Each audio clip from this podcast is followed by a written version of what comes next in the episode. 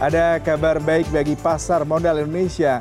59 perusahaan melantai di Bursa Efek Indonesia sepanjang 2022.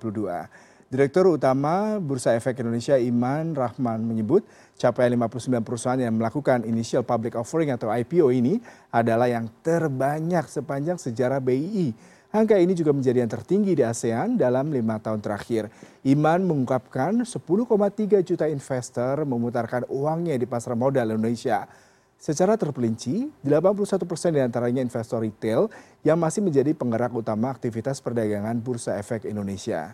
Di tahun ini, pertumbuhan ini mendukung indeks harga saham gabungan bergerak di zona positif dengan pertumbuhan nilai 15,2 persen dari tahun sebelumnya. Optimisme juga terlihat dari maraknya sejumlah perusahaan yang melakukan IPO di tahun ini. Terima kasih kepada OJK dan seluruh stakeholder pasar modal yang telah membantu bursa dalam memfasilitasi 59 perusahaan untuk tercatat sepanjang tahun 2022 atau merupakan jumlah IPO tertinggi sejak swastanisasi BI di tahun 1992 dan merupakan pertumbuhan tertinggi di kawasan ASEAN dalam